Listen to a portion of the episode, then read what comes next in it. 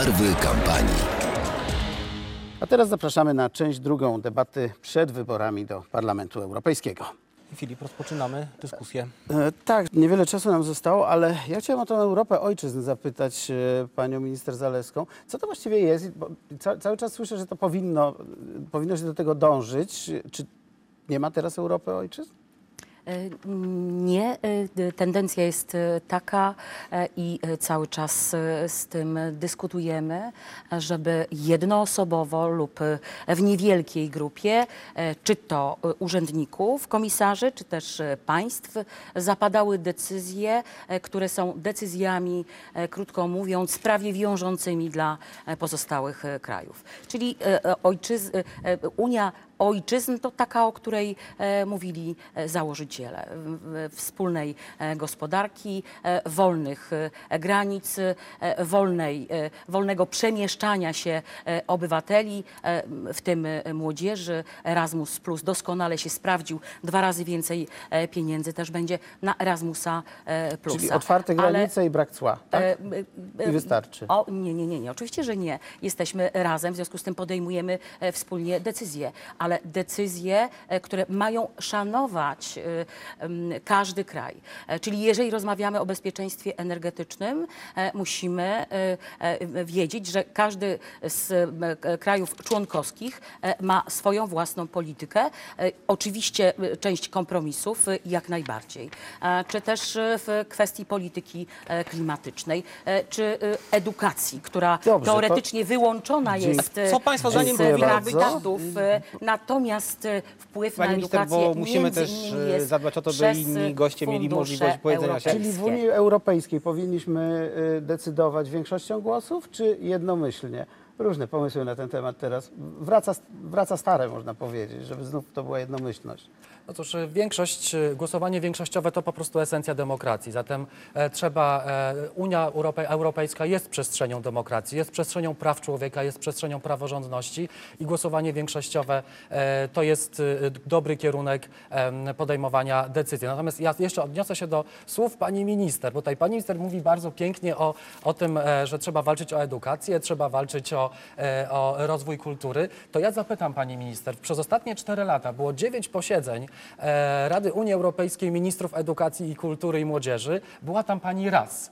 E, Na czterech, na czterech e, posiedzeniach nie było nikogo z polskiego rządu e, w, tej kwestii. Więc z jednej strony mówi Pani dużo o tym, co, co zamierza Pani robić w Unii Europejskiej, chwali się Pani swoimi pomysłami, natomiast Pani, Euro, Pani Unii Europejskiej nie lubi. Być może z tego też powodu, że może ten angielski nie jest najlepszy, więc a do Unii Europejskiej trzeba, trzeba ludzi, którzy języki Przepraszam znają. bardzo, ale będę musiała się chociaż krótko Dobrze, to bardzo proszę. To po pierwsze, jeżeli chodzi o, o spotkanie Rady, e, standard z reguły są tam e, wiceministrowie albo stały przedstawiciel. Ja byłam w kluczowym momencie Tak, przy na Erasmus koniec Plus. e, e, negocjacji, kiedy mówiliśmy o budżecie e, przyszłości. Nie tylko o Erasmusie Plusie, o edukacji włączającej, To o dlaczego doskonaleniu, czterech- na czterech posiedzeniach nie było doskonaleniu nikogo? e, e, zawodowym e, nauczycieli. To nie jest debata między i państwem, tylko się właśnie. przez całe musieli życie. państwo Być może tak jak będziemy mieli jeszcze powiedziałam, okazję. to jest e, Ja standard chciałem e, spytać na e, tych Państwa, spotkaniach. gdzie powinien być obszar taki, w który ewidentnie Unia Europejska nie powinna się wtrącać? Co powinno zostać w kompetencjach państw e, narodowych? Może Pani poseł. Ja jestem daleka od tego, żeby zakreślać szczegółowo takie mm, kompetencje, chociaż oczywiście uważam, że na ile Unia Europejska jest w stanie wynegocjować z danym państwem, to na takich zasadach z udziałem demokracji bezpośredniej, czyli włączenia jak największej liczby obywateli w współdecydowanie w kluczowych kwestiach, to tak, to wtedy państwo może samo zdecydować o posunięciu się e, w pewnych kwestiach decyzyjnych na rzecz Unii Europejskiej, ale traktowanie partnerskie e, państwa i obywateli szczególnie, jeżeli my mówimy o młodych obywatelach, o współdecydowaniu o ich przyszłości, włączenia na przykład coś, co jest dla mnie niepojęte, że w Unii Europejskiej, w której mówi się o nowoczesnych technologiach i mówi się o przyszłości, nie ma na przykład e, elektronicznego sposobu głosowania albo na przykład europejskiej inicjatywy e, uchwałodawczej, gdzie młodzi ludzie sami mogą poddać e, pod dyskusję prawo, mm, e, e, które będzie stanowione i będzie bezpośrednio dotykać ich życia. Dlatego Dziękujemy. uważamy, Dlatego uważam, że rzeczywiście e, te kryzysy, które są, to są przez to, że niestety prawo zapada i jest konstruowane przez wąską grupę ludzi,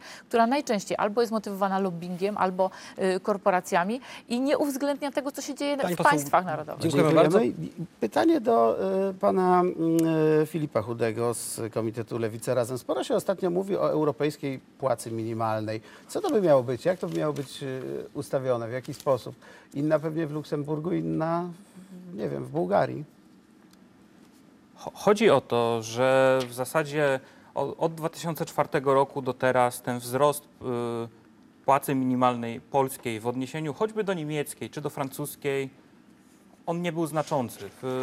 Jeśli, byśmy, jeśli byśmy gonili w tym tempie, y, jeśli w ogóle to tempo da się utrzymać, to, to byśmy dogonili dopiero, nie wiem, w 2070-80, a i tutaj ekonomiści y, są bardzo sceptyczni co do tego, czy, czy jakby to tempo wzrostu można utrzymać. Europejska płaca minimalna to jest w sumie dość e, mało skomplikowany przepis. E, Ale Chodzi to bym nim- chyba polemizował, czy to będzie mało No skomplikowane. właśnie, jak to zrobić? Tak e, w miarę zwięźle, okej, gdybyśmy mogli. Chodzi w nim o to, że, że teraz w różnych państwach członkowskich mamy te płace minimalne na różnych poziomach. I, i, y, więc y, to, co my postulujemy, to jest powiązać płacę minimalną ze średnią, tak żeby minimalna to była zawsze 2 trzecie średniej. Procent średniej To, krajowej, to, tak? to jest jedno. A drugie to jest, to jest y, przygotować y, kilkunastoletni plan zrównania pensji średnich pomiędzy krajami, a tym samym również minimalnych, tak żeby, tak żeby faktyczny poziom życia między różnymi krajami y, w miarę się wyrównał. No Pan bo poseł europejskie ceny byśmy- mamy już. Może byśmy szybciej dogonili innych. No na pewno nie ustalając e, pensję minimalną. E, socjalistyczny wymysł pensji minimalnej czy uśredniania wszystkiego, równania, co się najczęściej odbywa w dół, nie jest e, naszym priorytetem. Naszym priorytetem, e, nawet w tej dziedzinie, jest wolny rynek i, i jeżeli ktoś pracuje, to powinien zarabiać. Na pewno nie powinien e, płacić e, kary za to, że im więcej pracuje, tym więcej płaci podatków. Czyli mówi pan o picie, tak? o podatku dochodowym, który należy w ogóle znieść, no, który jest oczywistą karą za, za pracę. Tak? Na pewno żadne socjalistyczne rozwiązania, a, nawet na, na szeroką skalę w całej Unii Europejskiej, nie, nie są dla nas dobrym Czy rozwiązaniem. pani Julia Rokicka w tym samym temacie chciałaby się odnieść jeszcze? Tak naprawdę najbardziej e, poruszyły mnie tutaj sprawy energetyczne. Muszę się odnieść do minister e, Zalewskiej najpierw, e, bo to jest tak bliskie mojemu sercu. E, Pani minister mówi, że, mamy, że kraje mają swoje plany na bezpieczeństwo energetyczne. Jasne, tylko że nasz plan e, nie powoduje, że będzie nam się żyło zdrowiej i bezpieczniej właśnie pod względem bezpieczeństwa energetycznego. Póki co mamy większość importu węgla z Rosji. E, Energia odnawialna w Polsce jest e, minimalizowana ciągle, nie ma z tego, e, z tego korzyści. E, I nawet program Czyste Powietrze, na który Unia chce przeznaczyć 8 miliardów euro, też nie działa właściwie. E, Dopiero e, malutka część umów została podpisana e, z obywatelami i tak naprawdę nie widać tutaj, żeby, żeby ta energetyka była w, w sercu właśnie PiSu.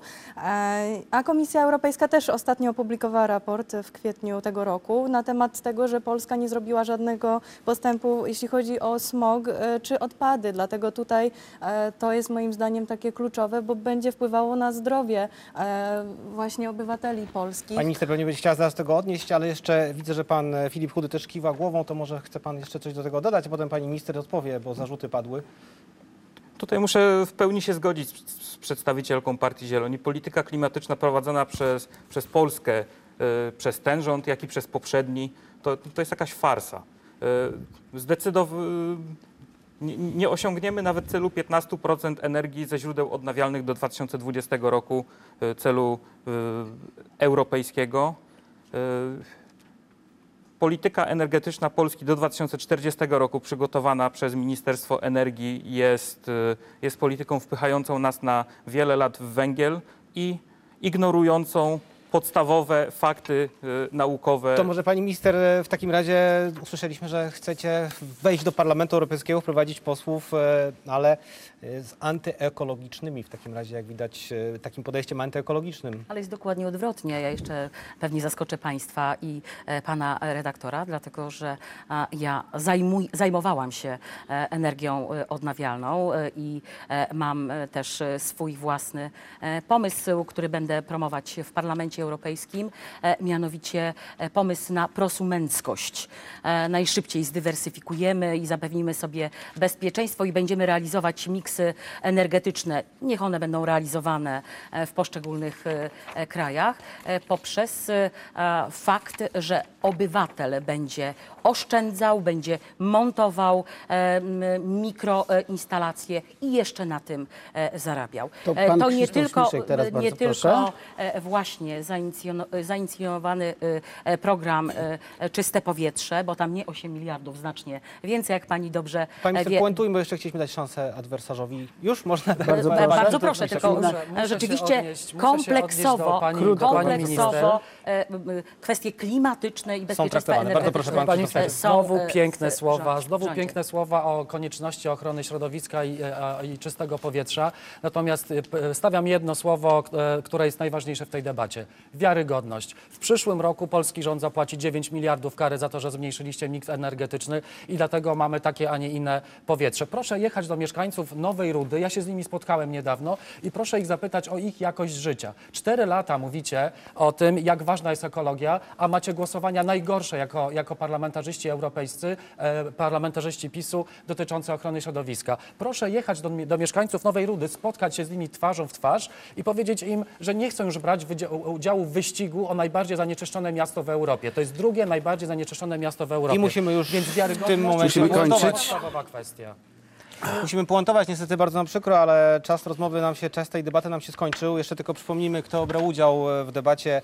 Robert Jados- Jarosław Iwaszkiewicz, e, Konfederacja, Pan Krzysztof Śmiszek, Komitet Wyborczy Wiosna, Roberta Biedronia. Agnieszka Ścigaj, Kukiz 15. Pani Anna Zaleska, Komitet Wyborczy Prawo i Sprawiedliwość. Dziękuję Filip bardzo. Chudy, Znam Nową Lewica Rudę. Razem. Będzie brała udział Akurat pani w programie blisko, tak. e, Czyste Powietrze. E, Czekam na ciepłe przyjęcie pan, pani minister. k- k- kandydat nie jest z Dolnego Śląska, trudniej mu o tym regionie mówić. Pan Filip Chudy, Koalicyjny Komitet Wyborczy Lewica Razem, Partia Razem, Unia Pracy. RSS. I Julia e, Rokicka, m, e, Komitet Wyborczy Koalicja Europejska. Zieloni w tym ja też przypadku. mogę się tutaj dołączyć jako Dolnoślązaczka, że o problemach Nowej Rudy również wiem i chętnie. Kto nie wie o problemach Nowej Rudy, to w sumie Wszyscy chyba wiedzą, wszyscy, słyszeli o smogu, słyszeli Tylko na o razie jeszcze e, się Nowej to Rudy. nie zmienia. Tym Mało czasu było, żeby tak. po- po, poruszyć wszystkie te najważniejsze europejskie e, problemy. Szkoda, że nie porozmawialiśmy na przykład o wielkich korporacjach, e, które w starciu z całymi państwami mogą być Ale jeszcze do wyborów jest e, trochę czasu, pewnie będziemy nieco i to jest ciekawy problem, ale oczywiście Jesteśmy będziemy to robić. do kolejnych Dziś. Państwo tak ogólnie poznaliście te odpowiedzi na najważniejsze chyba zagadnienia, dosyć ogólne wciąż, jeśli chodzi o wybory europejskie. W najbliższych dniach e, będzie czas na uszczegółowienie takich rozmów z kandydatami. E, Debaty w TVP3 Wrocław e, odbędą się jeszcze dwie, a na razie bardzo Państwu dziękujemy. Paweł Wilk, TVP3 Wrocław. Filip Marczyński, Radio Wrocław. Również do Radia Wrocław zapraszam. Sporo polityki przed wyborami. Bardzo Państwu dziękujemy za udział w tej debacie. Z Państwem się żegnamy. Do zobaczenia. Barwy kampanii.